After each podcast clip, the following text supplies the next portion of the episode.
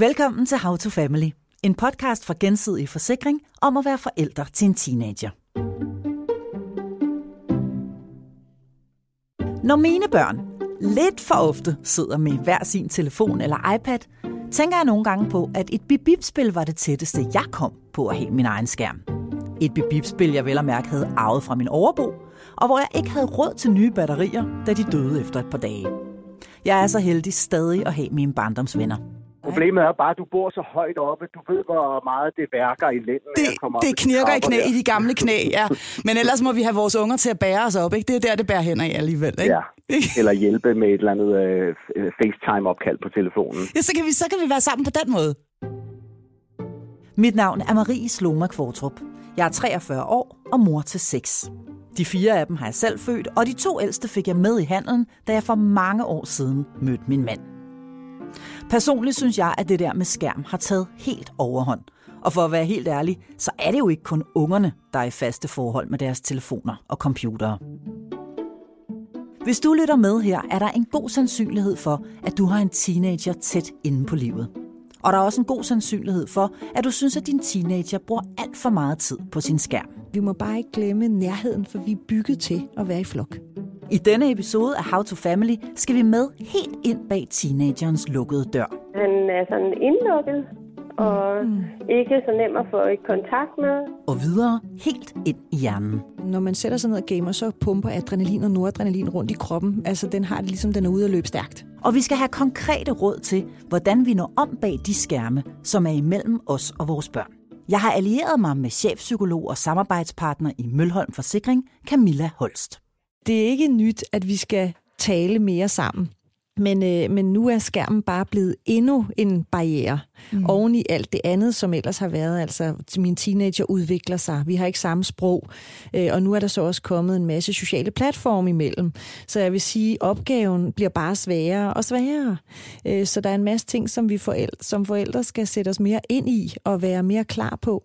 Mm. Men samtidig skal vi også holde fast i de værdier, vi selv kommer fra som teenager. Altså, hvad er vigtigt i forhold til, hvad vi selv har oplevet i vores teenage, i vores udvikling udvikling, De positive historier. Hvad har givet os livskvalitet og indhold? Det skal vi jo ikke øh, glemme, øh, bare fordi, at der er en masse andre tilbud nu. Okay. Hvad og, mener du helt konkret med det? Altså, hvad, hvad mener du? Altså, fordi da jeg var teenager, der var det jo noget helt andet, der var på øh, dagsordenen. Jeg, jeg brugte utrolig meget tid på at høre musik på min pladespiller. Ja. Så kom MTV på et tidspunkt. Det var, ja. det var også meget sejt på et kæmpestort øh, fjernsyn at se det. Så var det sådan noget med at drikke te med mine veninder inde ja. på værelset og snakke om ja. drenge og sådan noget. Ja. Og, og i dag foregår det jo altså, på en anden måde. Ja, altså man kan sige lige præcis det her med at høre den musik, øh, det er jo enormt udviklende for hjernen at høre musik. Er det det? Ja, det er det. Det udvikler mange, det bruger, vi bruger mange centre i hjernen, når vi lytter til musik, fordi vi analyserer faktisk musikken, uden at vi sådan er bevidste omkring det.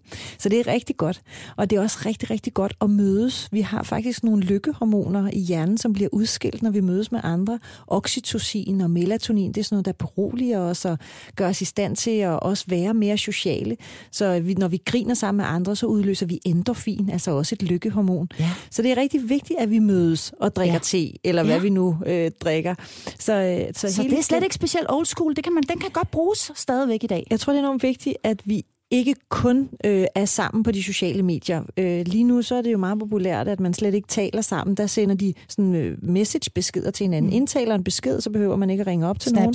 Snaps. Mm. Ja, præcis. Og, øh, og lige præcis øh, der, hvor vi øh, tillader, at det bliver måden, vi kommunikerer på, så mister vi altså en hel masse også lykkehormoner. Vi ser det desværre i de store undersøgelser fra USA, hvor vi har øh, undersøgelser om teenager allerede nu, som siger, at øh, hver fjerde teenager øh, er udsat for, øh, for, hvad hedder det, depressions- eller angstsymptomer, eller har angst- eller depressionssymptomer i løbet af deres Hold. teenageår. Og herhjemme er det allerede udviklet sig rigtig kraftigt blandt de unge, når vi kigger på undersøgelser. Vi har kun en samlet undersøgelse. De sidste 20 års forskning blev samlet i en rapport i 14, som kom ud, at øh, op mod hver fjerde teenage pige oplever også angst- eller depressionssymptomer. Og altså, man kan sige, jamen, hvad er det en konsekvens af? Det kan jo være mange forskellige ting.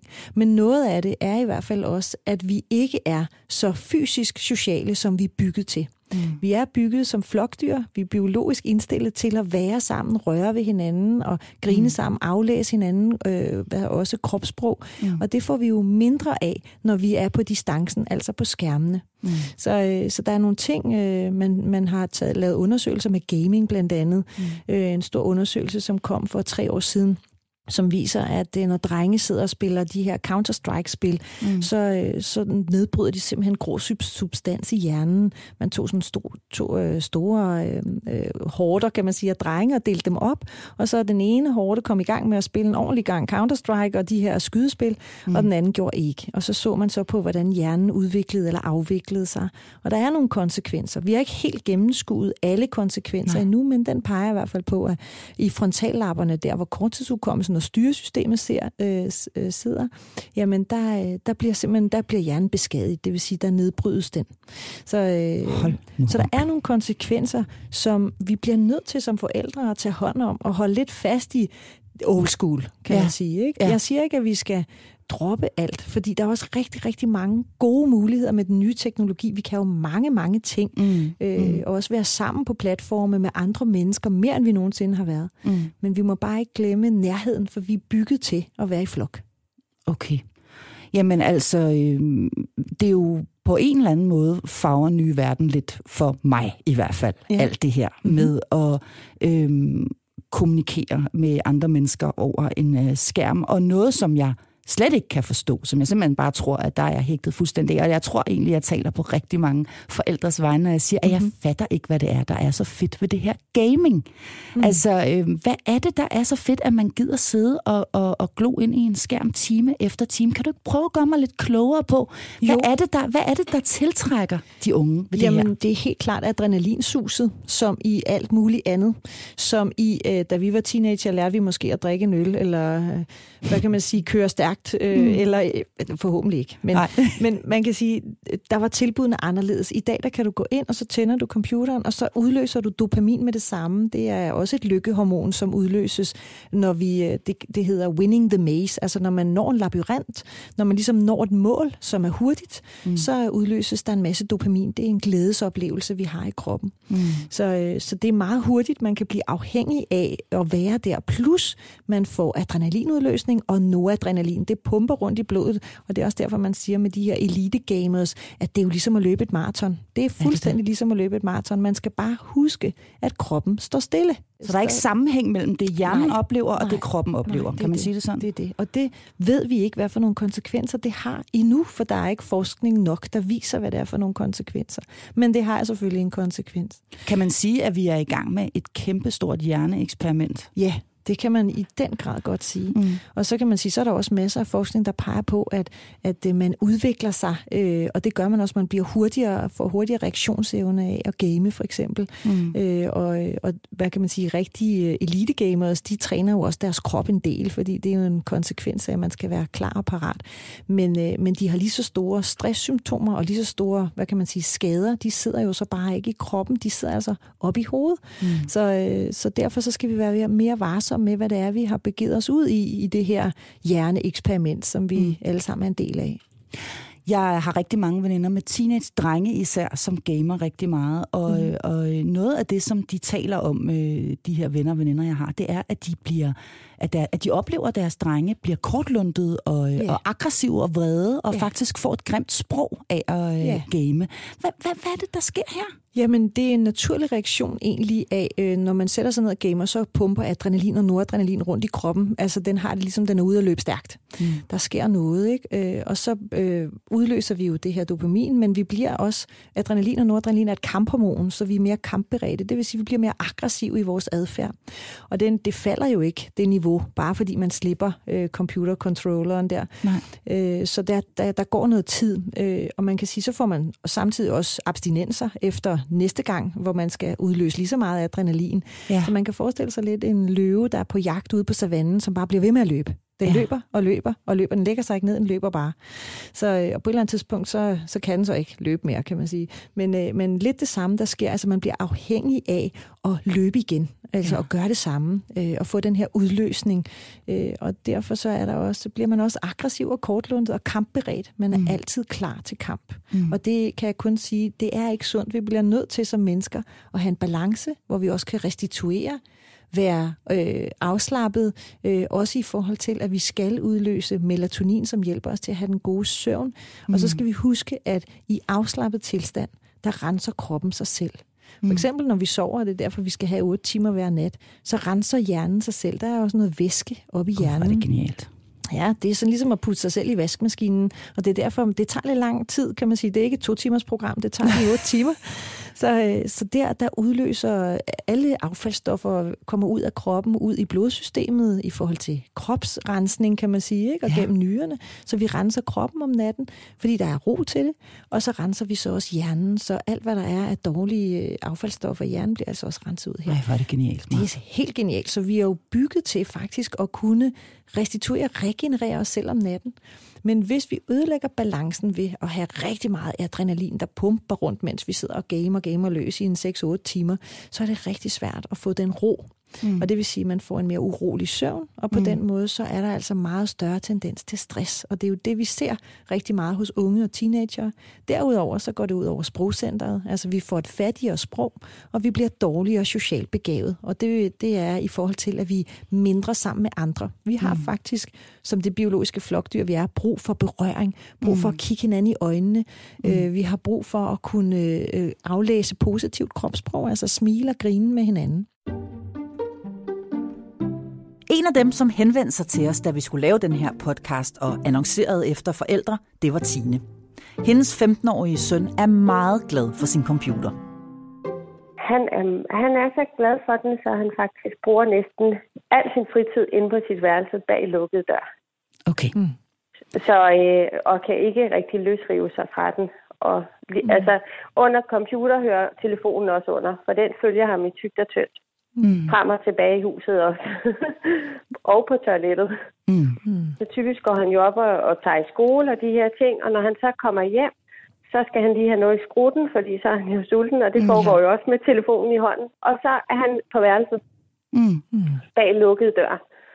Øhm, og, og han er sådan, øh, sådan indlukket, og mm. ikke så nem at få i kontakt med. Altså, du ved, man skal sige tingene mange gange. Øh, han er meget distræt, og det tænker jeg, det er sådan meget typisk teenager. Den er under ombygning op på øverste etage, ikke? Men, Jo, jo. men han er sådan meget, han er meget lukket. Ja.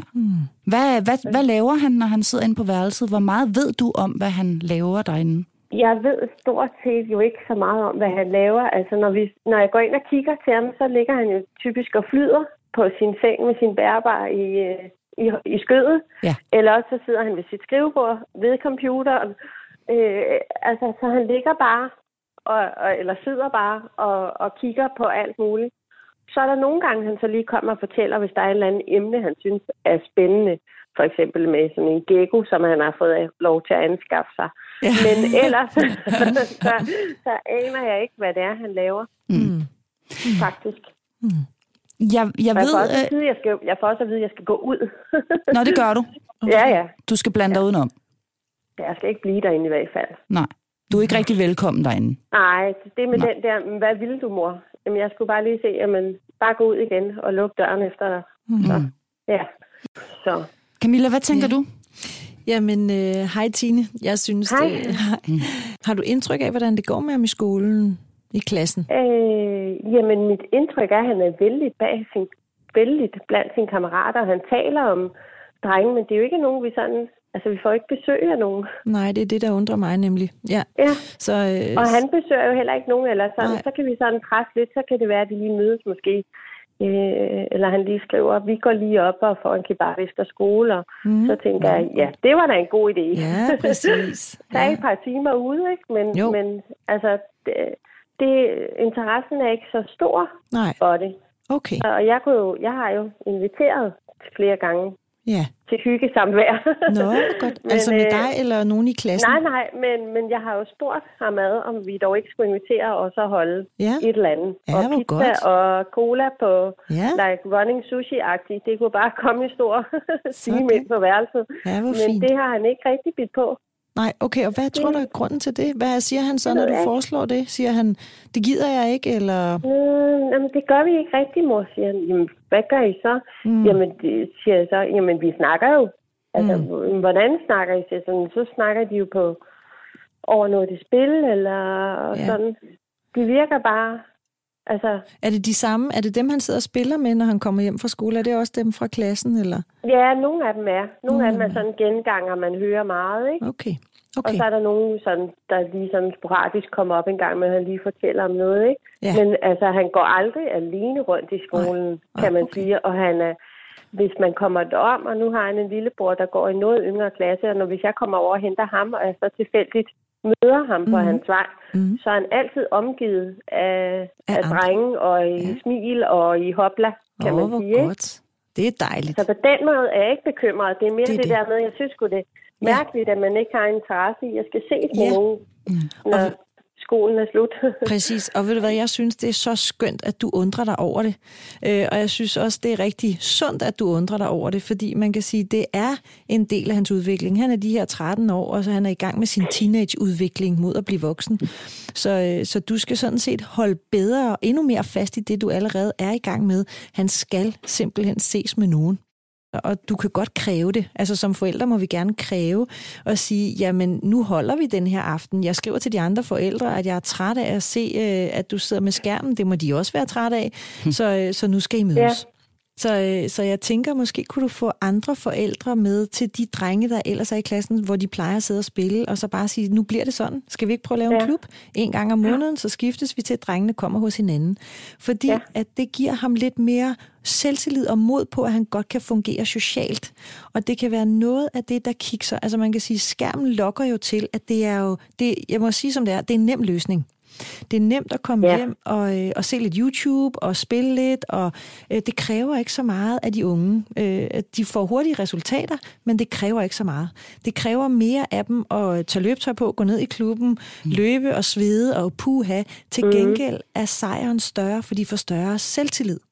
Så ja. De får simpelthen tillid til, at de kan noget, og de kan bruge deres krop til noget. Øh, og, og hvis han begynder at misse ud på tilliden til, at jeg kan bruge mig selv allerede nu som 13-årig, så har du et problem, når han bliver 16 og 18, så bliver han ja. Ja. endnu sværere at få ud til noget. Så, Ja. øh, så man kan sige, det er nu, du bare skal holde fast, Tine, og, øh, og sige, der skal simpelthen være sociale arrangementer. Så det kan du sagtens øh, begive dig ud i at få sendt nogle beskeder rundt og sige, nu bliver vi simpelthen nødt til at gøre noget, ikke? Nu gør vi det bare. Nu gør vi det bare. Lige præcis. Jeg, jeg har bare sådan lyst til at spørge, Tine, hvordan er det, når du skal tale med ham? Altså, jeg tænker på det der med, fordi du, du siger det der med, at han beder dig om at gå ud fra værelset og sådan noget. Ja. Øhm, oplever du, at du har svært ved at, at, at tale med ham? Øh, jamen, det er sådan... Det, ja, det kan faktisk godt være lidt anstrengt, eller ikke anstrengt, men det kan godt være lidt svært for ham.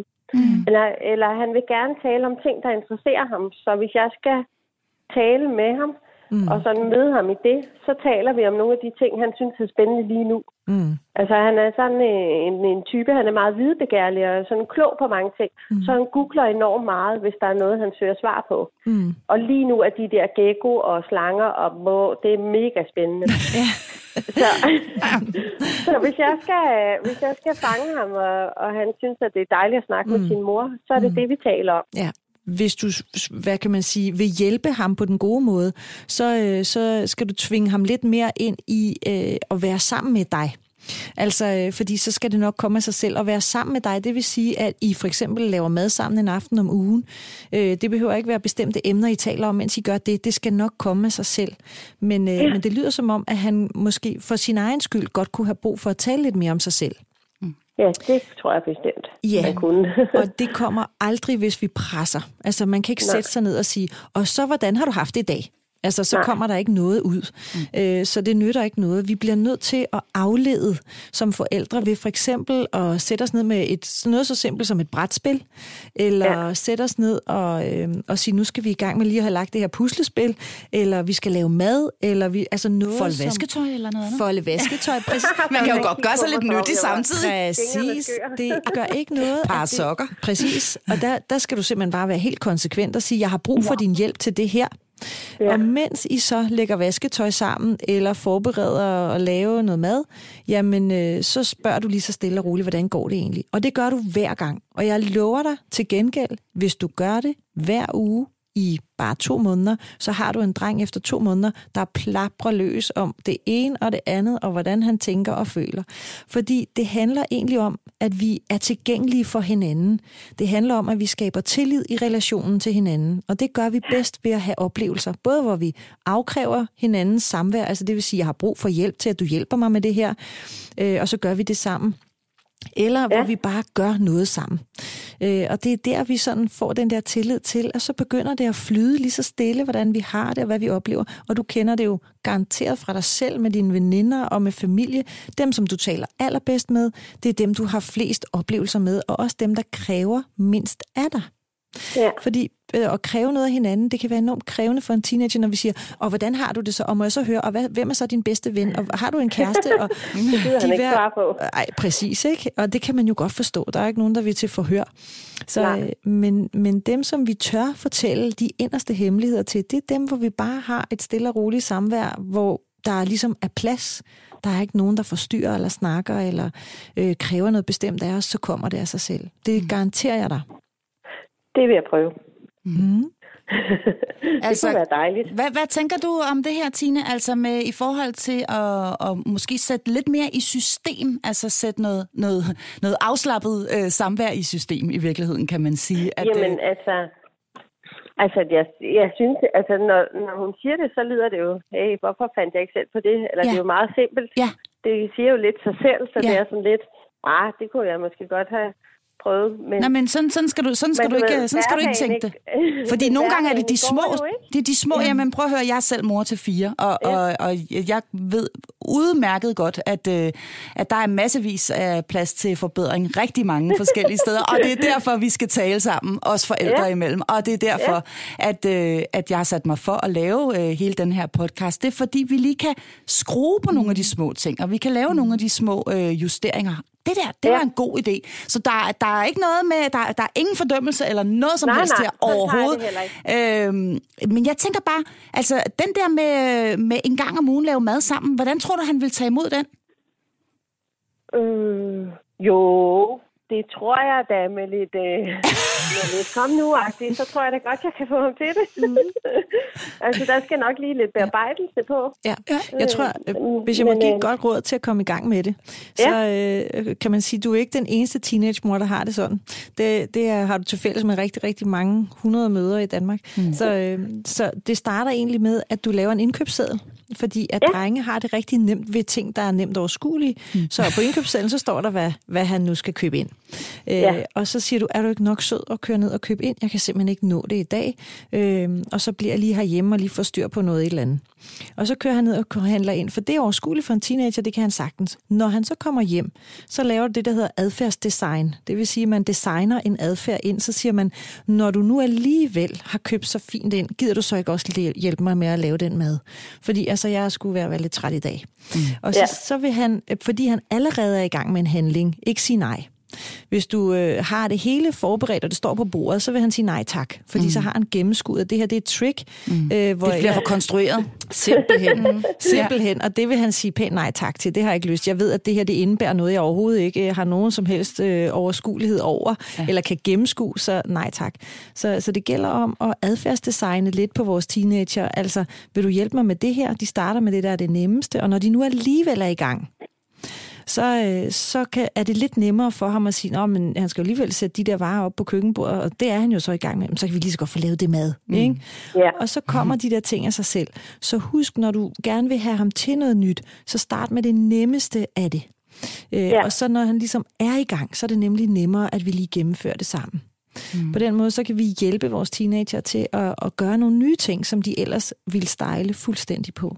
Mm. Ja, det skal prøves. Okay, vi skal altså være bekymrede, når vi ikke kan komme i kontakt med vores teenager. Og vi skal insistere på både samtaler og samvær. Ikke ved at stille det samme spørgsmål hver dag, eller hvad har du lavet i skolen i dag, men ved at få en naturlig samtale i gang, meget gerne samtidig med, at vi laver noget sammen. Vi skal involvere vores teenager og bede om deres hjælp, for eksempel til indkøb, madlavning eller andre ting i hverdagen, så samtalen bliver naturlig og ikke konstrueret. Vi skal gentage de hyggelige og relativt korte seancer hver dag. Så vil kommunikationen langsomt blive mere flydende og åben. Og endelig skal vi lytte. Lytte uden at dømme eller komme med formaninger undervejs.